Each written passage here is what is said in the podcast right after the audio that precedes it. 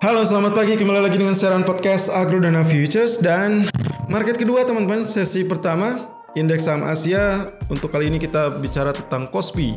Ulasan untuk Kospi ini ya, tadi saya sempat memberikan prakata atau prolog di mana untuk indeks saham Asia daily dengan H4 itu cenderung berlawanan meskipun secara pola dalam satu pekan terakhir saya melihat pola candlenya tidak bisa diandalkan ya dalam daily chart terutama ya kalau di di grafik 4 saya cenderung melihatnya pola grafiknya saja Kenapa saya membandingkan daily chartnya terlebih dulu? Daily chart itu penting teman-teman untuk meng menginisiasi apakah big trendnya akan terjadi pola kenaikan atau pola pembalikan arah atau memang dia kelanjutan. Kurang lebih seperti itu. Nah, eksekutornya kita juga harus mempertimbangkan grafik keempat. Kenapa tidak 15 menit? Kenapa tidak 5 menit? Karena Menurut saya, kalaupun misalkan kita bicara tentang 15 menit, ya itu hak Anda untuk melakukan transaksi dalam uh, kurun waktu sekian jam, terutama untuk indeks saham Kospi misalkan dari jam 7 sampai jam setengah 2, Anda punya punya waktu uh, sekitar 6 jam untuk melakukan transaksi dan memanfaatkan situasi.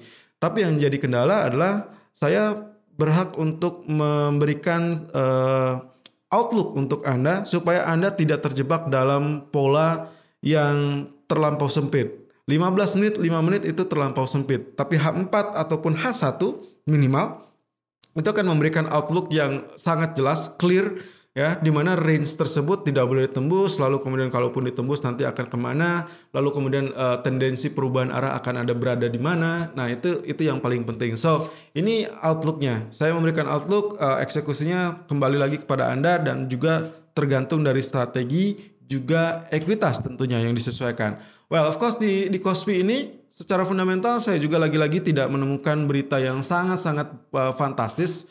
Overall Kospi relatif aman kecuali yang kemarin isunya tentang uh, North Korea atau Korea Utara yang katanya meluncurkan rudal ya di semenanjung Korea di perbatasan semenanjung Korea dan juga perairan Jepang. Nah ini masih belum ada informasi lebih lanjut, tapi kurang lebih kemarin itu informasinya dari Korea Selatan bahwa uh, Korea Utara tetangganya melakukan atau meluncurkan rudal.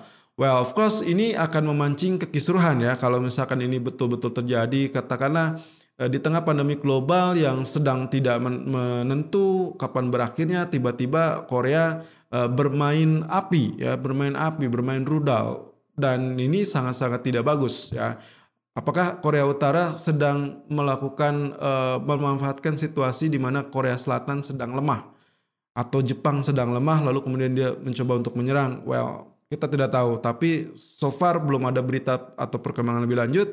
Semoga saja tidak ya. Kalaupun iya, maka itu akan menjadi satu ganjalan yang sangat besar untuk uh, Kospi terutama ataupun indeks saham Asia. Karena kemungkinannya outlooknya akan menjadi kembali suram kalau misalkan terjadi let's say perang saudara di antara dua Korea. Padahal uh, kurang lebih dua tahun yang lalu kita sudah mendapatkan mereka berdua Korea Utara dan Korea Selatan sudah menemukan kesepakatan dan perdamaian. Ya, oke kembali ke dalam uh, grafik di daily chart. Candlestick menunjukkan potensi pergerakan kemarin itu bullish candle tapi dengan tidak terlalu meyakinkan Meskipun areal tertinggi sebenarnya sudah menembus 248. Dan tapi ingat, areal yang kita tunggu-tunggu itu adalah dia harus menembus areal 248.70 ya. Sementara kemarin itu cuma sampai 248.15.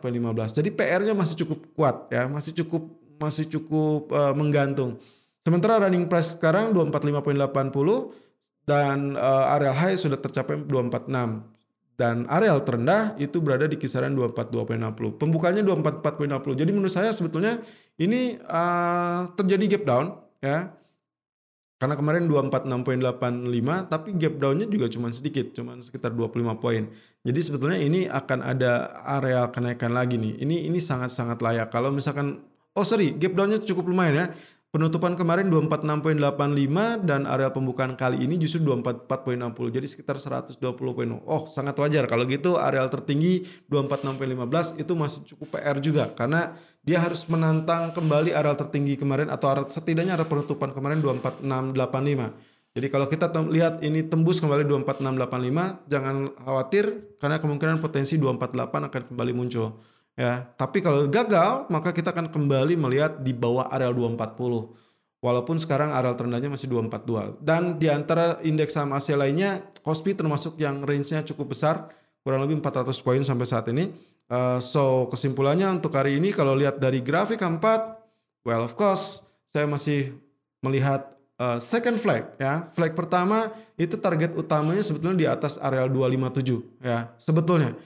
Dan dia sedang uh, terlunta-lunta di areal tengah dari uh, areal target uh, first flag atau uh, flag pertama.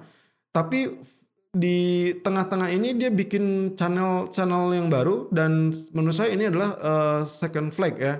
Jadi kalau tadi first flagnya bignya adalah di atas 257 targetnya. Nah ini sebetulnya di tengah-tengah ini dia membentuk kategori flag lagi dan targetnya sama di 257 tapi 50%-nya of course kurang lebih di area 250. Jadi kalau PR 248 bisa berhasil ditembus bukan mustahil 250 bisa tembus. Nah, Detailnya Anda bisa lihat di channel YouTube Agro Official Official. Saya sudah mempersiapkan di situ. Silakan lakukan buy on dip 244.15 ataupun 244.30. Targetnya kurang lebih maksimum di 245.50 dengan stop loss kurang lebih 243.80. Tapi karena running price sudah terlampau tinggi 245.90, saya sarankan Anda perhatikan area resisten 246.60. Kalau itu berhasil ditebus silakan follow buy karena itu adalah area resisten dari uh, second flag kita ya, flag kedua kita. Jadi kemungkinan hmm, dalam perhitungannya itu sudah harusnya sudah masuk ke kategori hitungan wave ke-6.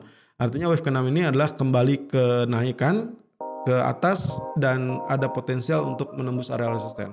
Kurang lebih seperti itu tipsnya, selalu gunakan stop loss dan risk management sesuai dengan equity dan strategi trading Anda.